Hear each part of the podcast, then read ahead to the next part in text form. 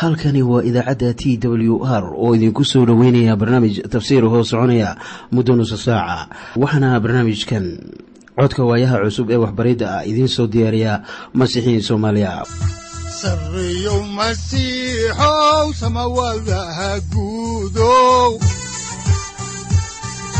Siraadkii adduunkow subanaha eebow sareyow masiixow samawadaha guudow siraadkii adduunkow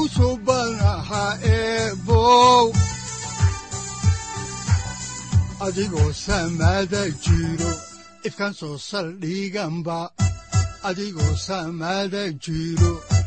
soo saldhiganba kutubtiisanaye ku soo dhowaada dhegaystayaal barnaamijkeenna dhammaantiinba. Waxaannu caawa idiin sii wadi doonnaa daraasaad aynu ku eegayno injiilka sida matayos uu qoray waxaana daraasaadkaas loogu magac daray baibalka dhammaantii. Waxaannu macluumaad idinka siinaynaa ahmiyadda uu leeyahay injiilka sida matayos uu qoray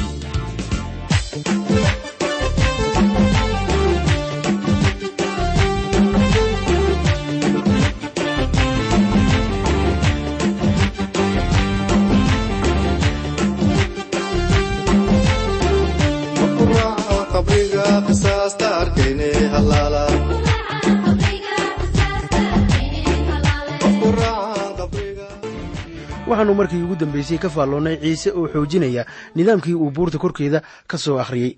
Waxaanan aragnay isaga oo jinneeye saaraya oo ay leeyihiin maxaa inoo dhexeeya wiilka ilaahow? Innagoo halkii ka sii wadayna ayaannu ku bilaabaynaa barnaamijka. Injiilkan sida matayos u qoray cutubkiisa siddeedaad aayaddiisa saddexaad oo leh ciise intuu gacantiisa soo taagay ayuu taabtay oo ku yidhi waan doonayaa ee daahirsanow kolkiiba baraskiisa wuu ka daahirsanaaday miyaad ka fikirtay in ninkanu aanu qabin oo keliya baraska korka laakiin waxaa kaloo uu qabay cuqdad taasoo khatar u ahayd. Garan maayo taariikhda ninkan laakiin waxaan qiyaasayaa inuu maalin arkay gacantiisa oo uu ku dhacay cudurka baraska waxaa laga yaabaa in uu qayladhaan ku dhuftay oo yimi oo tusay xaaskiisa oo iyana ay wax ka saartay. Maalintii xigtay way soo guduudatay markaasuu haddana qayladhaan ku dhuftay. Ilaa iyo toddobaad buu sidaas ahaa. Markaasaa sida abaarta naagtiisii welwashay waxa ay markaa u sheegtay inuu u tago wadaadka. Markaasuu wadaadka u tegey kolkaasuu wadaadkii afar iyo toban casho karantiilay markii wakhtigii u dhammaaday ayaa jiradii ku sii faaftay. Wadaadkii baa u sheegay markaa inuu qabo cudurka baraska markaasaa sida abaarta ninkii weydiistay inuu u tago naagtiisa iyo carruurtiisa oo uu ku soo yidhaahdo nabadgelyo. Markaasaa wadaadkii yidhi waan ka xumahay maahan in aad ku soo tidhaahdo nabaday maahan in aad gacantaada u dhowayso naagtaada amase aad carruurtaada ku qabato gacmahaaga. Maxaa wacay? Haddii qofku ku ag yimaado ama uu kuu soo dhowaado waa in aad qaylisaa adigoo leh daahir maahi daahir maahi markaana kor buu ka eegayey carruurtiisii oo qaangaaraya oo wakhti ayaa uu ku jiray caloolyow iyo cidlanimo dabadeedna maalin buu u yimi ciise oo waxa uu ku yidhi sayidow haddii aad doonayso waad daahirin kartaa. Muxuu sayid ciise sameeyey wuu taabtay. Waxaan idinku leeyahay taabashada ciise waxay ahayd tii ugu wanaagsanayd ee abid la taabto korkiisa. Ma ahayn oo keliya in ay taabashadu ka nadiifisay baraska laakiin waxa ay ku soo celisay bani aadmigii uu ka dhex baxay iyo qoyskii ilaah. Isla markiiba waxaa laga bogsiiyey baraskiisii haddaan halkaa ka sii wadno kitaabka ayaa waxaa ku qoran injiilka sida matayos u qoray cutubka siddeedaad aayaddiisa afraad sida tan. Oo ciise ayaa ku yidhi iska eg oo ninna ha u sheegin laakiin jidkaaga iska mar oo wadaadka istus oo bixi hadiyaddii muuse amray marag iyaga ha u ahaatee. Markii aanu ka eegno injiilka sida maarkos u qoray qisadan ayaan arkaynaa in ninkanu aad u farxay. Farxaddiisana la yaab ma leh oo qof waliba oo ka soo horbaxay ayuu u sheegay. Warkiibuu shaaca ka qaaday. Markaasaa hormadada ku soo xoomeen halkii sayidku joogay waxaana ay taasu keentay inuu isaga tago caasimadda oo uu joogo cidlada.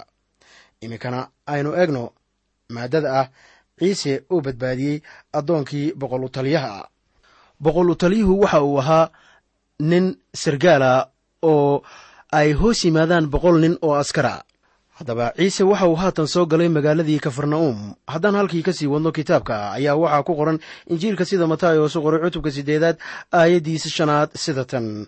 Goortuu kafarna'um galay waxaa u yimi boqol utaliye isaga oo baryaya waxaan hubaa in boqol utaliyaha uu maqlay wax ku saabsan bogsiinta baraslaha la bogsiiyey. Boqol utaliyahaasu waxa uu ahaa mid ka mid a qurumaha aan ka midka ahayn dadka israa'iil. Waxa uu ahaa dhamme u taliya sidaan haddaba idiin soo sheegay boqol nin oo ka tirsanaa ciidamada rigliga ah ee romanka ka jooga dhulka falastiin. Injiilka sida matayos u qoray ayaannu taa ku aragnay ha yeeshee welibana injiilka sida luukos u qoray ayaa inoo sheegaya in ninkaasu u dhisay macbud dadka yuhuudda ah waxaan tegey macbudkii uu dhisay burburkiisii oo haatan ku yaalla waddanka falastiin.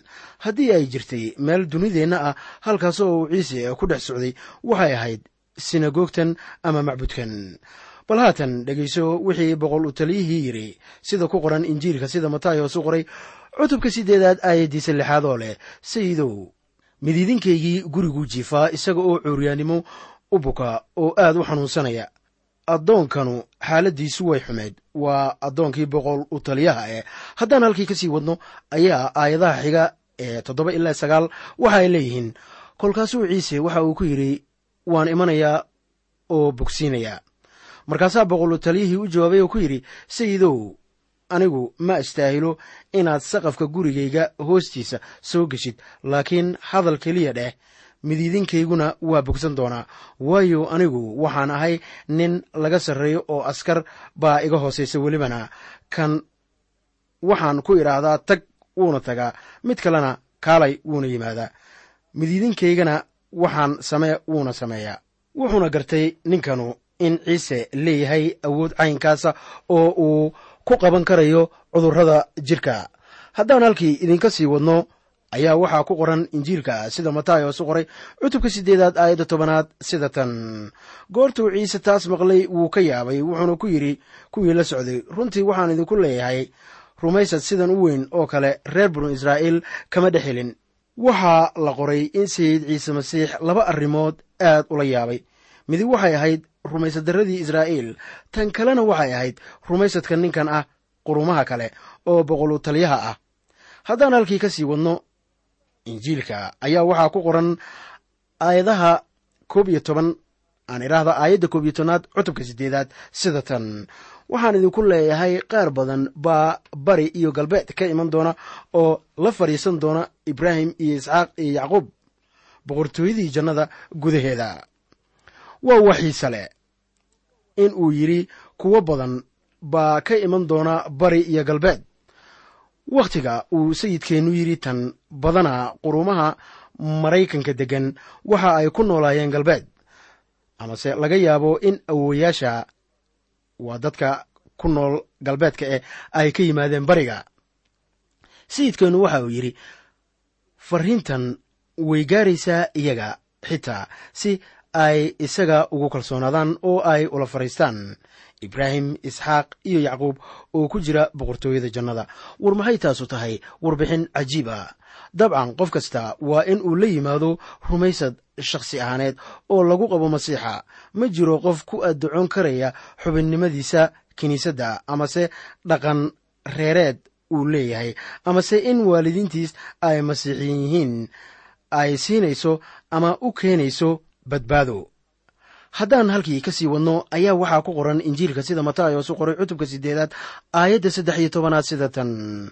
Markaasaa ciise waxa uu boqolitalyihii ku yidhi tag sidaad u rumaysatay ha kuu noqoto e oo saacaddaas ayaa madiidinkiisii bogsaday. Inkastoo haddaan faalladeenna ku soo noqonno qaadunkan dhibaataysan uusan hor joogin ciise boqol u taliyaha rumaysadkiisii uu ku qabayey ciise masiix ayaa keenay in la daweeyo. Ciise waxa uu taabtay barasle waana la daweeyey. Haatan wuxuu meel fog ka daweynayaa qaadunka boqol u taliyaha. Iminkana waxaynu soo gaarnay maaddada ah ciise oo bogsiinaya butros sodohdiis waxaan haatan soo gaarnay mucjisadii saddexaad. Haddaan halkii ka sii wadno ayaa waxaa ku qoran injiilka sida matayos u qoray cutubka siddeedaad aayadaha afar iyo toban ilaa shan iyo toban sida tan. Ciise goortuu guriga butros galay wuxuu arkay butros sodohdiis oo jiifta oo qandhaysan. Markaasuu gacanteeda taabtay qandhadiina waa ka baxday wayna kacday oo u adeegtay isaga. Butros sodohdiis waxaa haystay ama la soo gudboonaaday qandho xanuun badan. Markaasuu taabtay oo bogsiiyey. Waxaad ogaataa saddexdan nooc oo cudurka ah. Mid ka mid ah cudurkan waxa uu ahaa baraska oo ahaa cudur aan dawo lahayn. Kii kalena waxa uu ahaa cuuryaannimo. Tan saddexaadna aan idhaahdee cudurka saddexaadna waxa uu ahaa qandho oo la odhan karayo waxay ahayd jiro aan caadi ahayn. Butros sodohdiis laga yaabo in ay islamarkaasba raysan lahayd laakiin ciise ayaa bogsiiyey iyada xitaa. Mucjisada afraad waxa ay dhacday goor fiidkii ah. Haddaan halkaa ka sii wadno ayaa waxaa ku qoran injiilka sida matayos u qoray cutubka lix iyo tobnaad sida tan.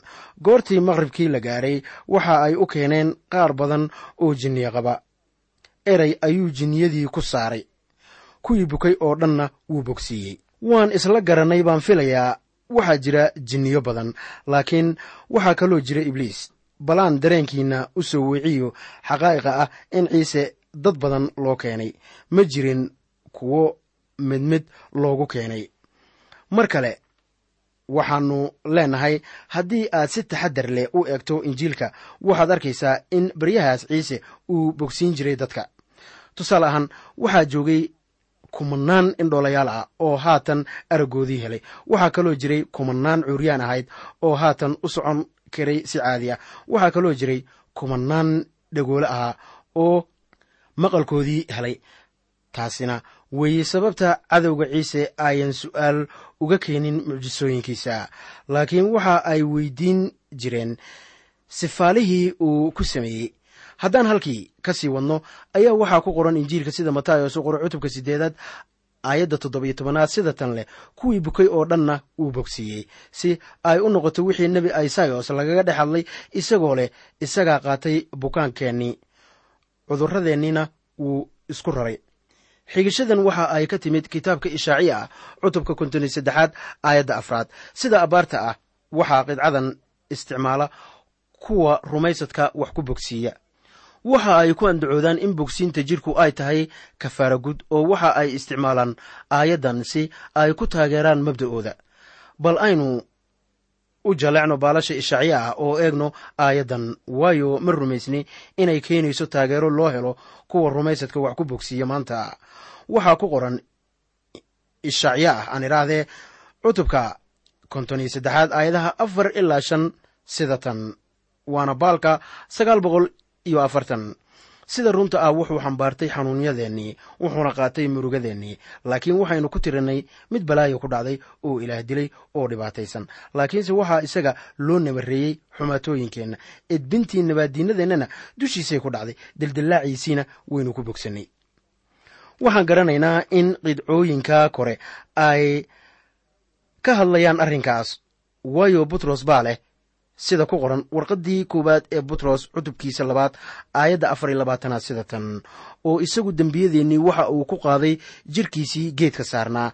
Si innagoo dembi kala dhimanay aynu xaqnimo ugu noolaanno.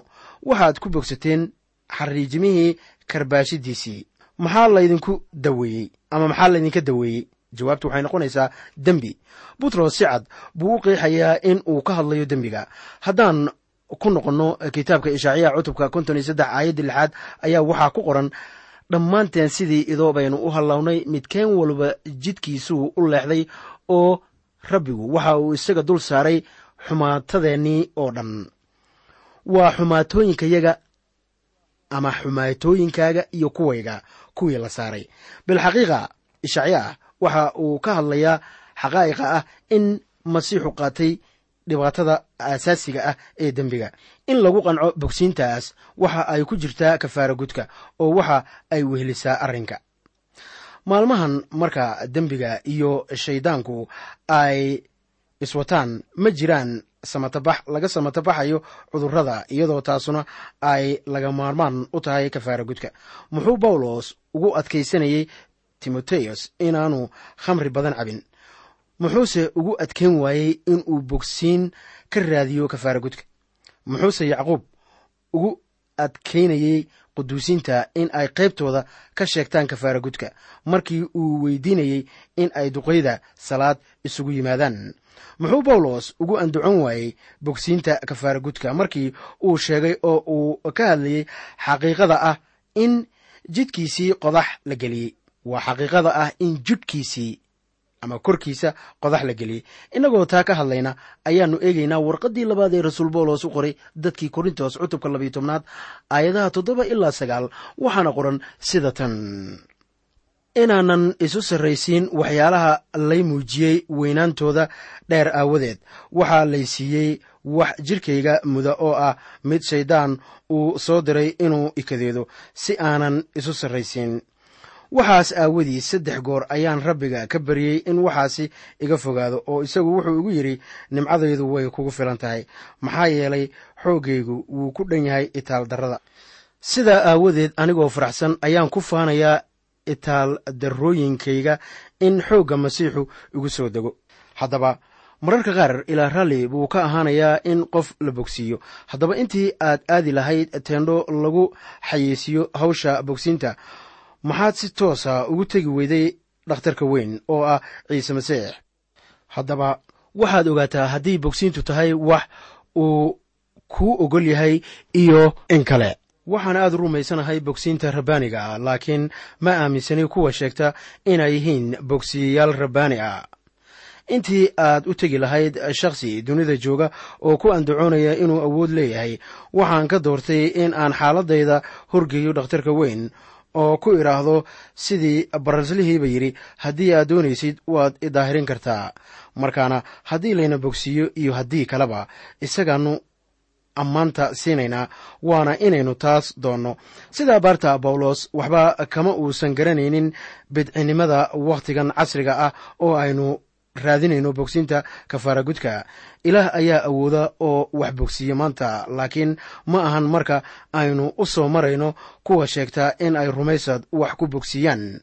Haddaan idiin sii wadno xigashada kitaabka ayaannu isla eegaynaa injiilka sida matayos u qoray cutubka sideedaad aayadda siddeed iyo tobnaad oo leh goortuu ciise dad badan oo ku wareegsan arkay ayuu amray inay dhinac kale tagaan waxaad ogaataan in dad badani oo ku wareegsanaayeen isaga waxaa loola jeedaa wuxuu bogsiiyey kumanaan shidaysan mase ahan oo keliya kuwo lagu qoray qorniinka yoxanaha ayaa xaqaa'iqan ku caddeeyey injiilkii uu qoray cutubkiisa labaatanaad aayadaha soddon ilaa koob iyo soddon waxaana qoran haddaba wuxuu ciise ku sameeyey xertii hortooda calaamooyin kale oo badan oo aan ku qorayn kitaabkan.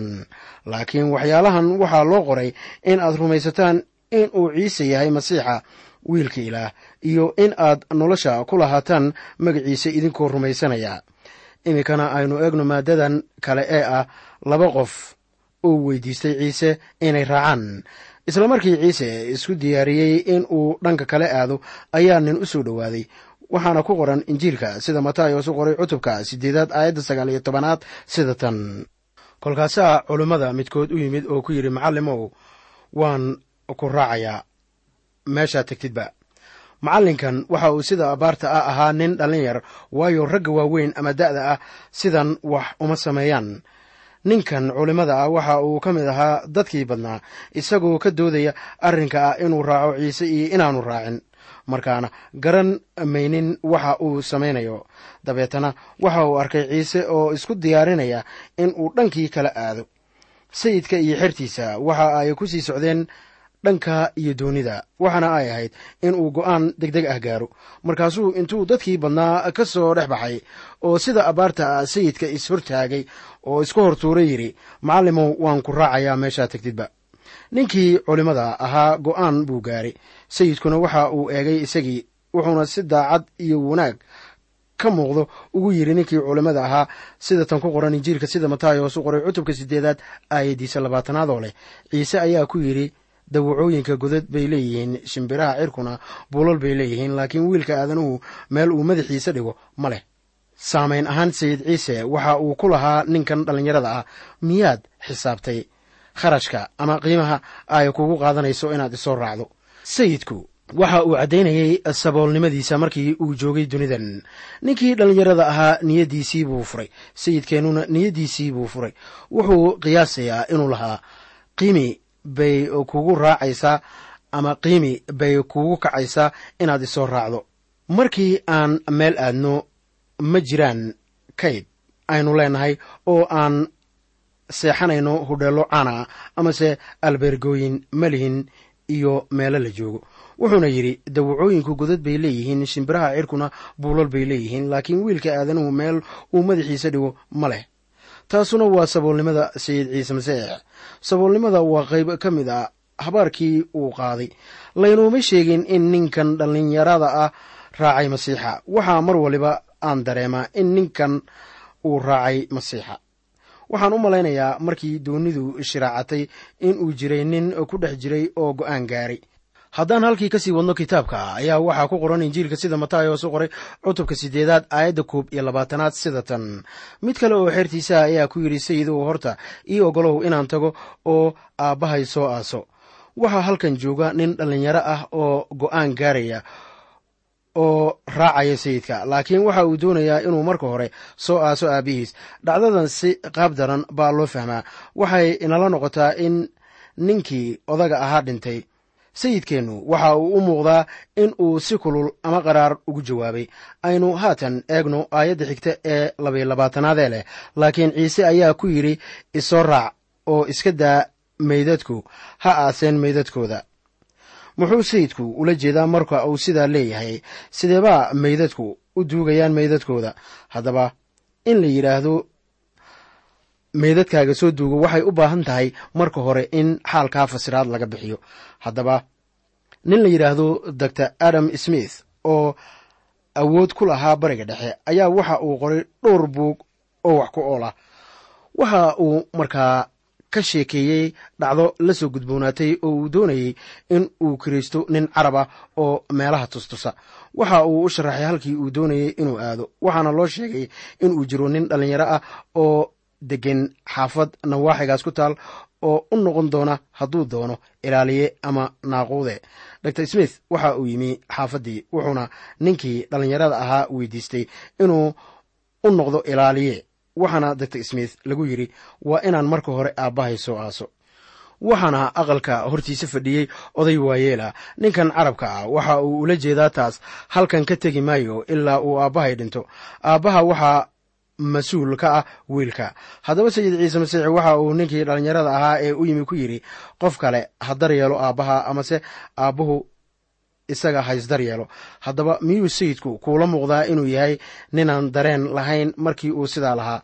Ilama aha in uu sidaa u muuqanayo markaan sharaxnay kadib. Waa waxaan rumaysanahay in sayidkeennu doonayey inuu ninkanu go'aansado inuu la joogo iyo in kale. Miyuu doonayey in ninkanu wax waliba ka hormariyo masiixa. Markii ninkan dhallinyarada ah gaaray go'aanka ayaa sayid ciise masiix sida abaartaa ku yidhi isaga waa inaad tagtaa guriga aabbaha oo aad isaga daryeeshaa. Haddaan halkii ka sii wadno ayaa waxaa ku qoran injiilka sida matayos u qoray cutubka siddeedaad aayadda saddex iyo labaatanaad sida tan. Goortuu doonida fuulay xertiisii ayaa raacday. Waxaan haatan soo gaarnay mucjisada shanaad ma khusayso bogsiinta jirka laakiin waxa ay khusaysaa mucjisadanu dabiicadda. Waxaana ay saamayn ku yeelanaysaa hawada inagu xeeran. Waxaa mucjisadan lagu muujinayaa awoodda ciise masiix waxaanan rumaysanahay in aadan lahaa awood taas la mid a ka hor intaanu luminin awooddiisii. Haatan waxaynu arkaynaa in sayid ciise masiix oo ahaa aadankii u dambeeyey caddayntan laga muujiyey ama lagu muujiyey caddayntan soo socota waa mucjisada ee awooddiisa haddaan halkii ka sii wadno ayaa waxaa ku qoran injiilka sida matayos u qoray cutubka sideedaad aayadda afar iyo labaatanaad sida tan. Oo waxaa badda ka kacay duufaan weyn ilaa ay hirarku qariyeen doonnida laakiin isagu waa hurday. Tanu ma ahan dabeel caadi ah waxaannu aragnay qisadii jirrabaadda ciise oo ibliisku wakhti yar ka tegey laakiin aan wakhti dheer ahayn. Waxaan u malaynayaa in dabayshan ay ugu horrayntii ka timi shayddaanka waxaana tanu ahayd iskuday shayddaanku doonayey inuu ku burburiyo sayidka. Waxaad ogaataa in sayidkeennu jiifay. Waxaa markaas iska caddaan ah in xertii ay aad u walwaleen. Sida ku qoran aayadda shan iyo labaatanaad ee isla cutubkan waa markii duufaanku uu yimid eh oo leh markaasaa xertii u timi oo toosisay iyagoo leh sayidow na badbaadi waannu lumaynaaye. War muxuu rumaysadkoodu yaraa ogow sidii uu xaalka u maareeyey. Haddaba adigoo eegaya injiilka sida matayos u qoray cutubka siddeedaad aayaddiisa lix iyo labaatanaad waxaana qoran kolkaasuu wuxuu ku yidhi maxaad u baqaysaan rumaysad yarayaalow. Markaasuu kacay oo canaantay dabaysha iyo badda oo xawaal weyn baa dhacay waxaad ogaataa saamaynta ay tani ku yeelatay xertiisa waa mucjisada dejinta duufaanta eh haddaan halkii ka sii wadno ayaa waxaa ku qoran injiilka sida matayos u qoray cutubka siddeedaad aayadda toddoba iyo labaatanaad oo leh. Haddaba nimankii waa yaabeenoo waxa ay isku yidhaahdeen waa nin caynkee ah kan xataa dabaysha iyo badduba yeelaan. Kan nidaamka keeni kara waa midka muujin karaya qaabka iminkana aynu ka hadalno maaddada ah ciise oo jinniyadii ka saaray labadii reer gadaraani mucjisada shanaad waa mid weyn. Faallo ka bixin mayno laakiin waxa ay khusaysaa oo keliya jinni saaris. Haddaan halkii ka sii wadno ayaa waxaa ku qoran injiilka sida matayos u qoray cutubka siddeedaad aayaddiisa siddeed iyo labaatanaad sida tan. Goortuu yimi dhinac kale oo dalka gadarani waxaa la kulmay laba qof oo jinni qaba oo xabaalaha ka soo baxay iyaga oo aad khatar u ah si aan midna jidkaas u mari karin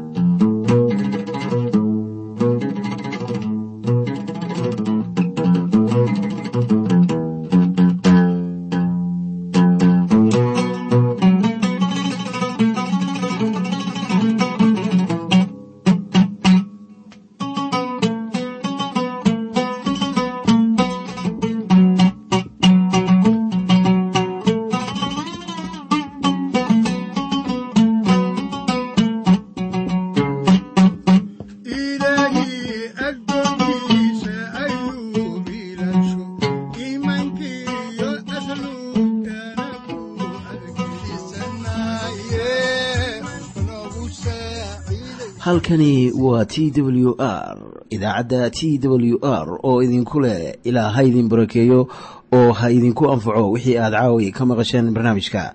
Waxaa barnaamijkan oo kalaa maqli doontaan habeen dambe hadahan oo kale haddiise aad doonaysaan in aad fikirkiina ka dhiibataan wixii aad caawi maqasheen ayaad nagala soo xiriiri kartaan som t w r at t w r c o k e dhegaystayaal haddii aad doonaysaan inaad mar kale dhegaysataan barnaamijka fadlan mar kale booqo www t t b o r g ama www t w r o r g halka sare waxaad ku arkaysaa markii aad gasho language ama luuqadda waxaana dooranaysaa soomaali haddii aad doonaysaan in aad dejisataan oo kaydsataan barnaamijka ama aad mar kale dhegaysataan fadlan mar kale booqo www t t b t w r o r g ama www t w r o r g haddii aad doonayso in laga kaalmeeyo dhinacyada fahamka kitaabka amase aad u baahan tahay duco fadlan fariimahaaga soo mari bogga aaraahda ama kommentska inana jawaab degdeg ah ayaanu ku soo diri doonaa amase ku siin doonaaye. Sarreeyow masiixow salula saacadda timid dhulka sabada ku dhalatiyo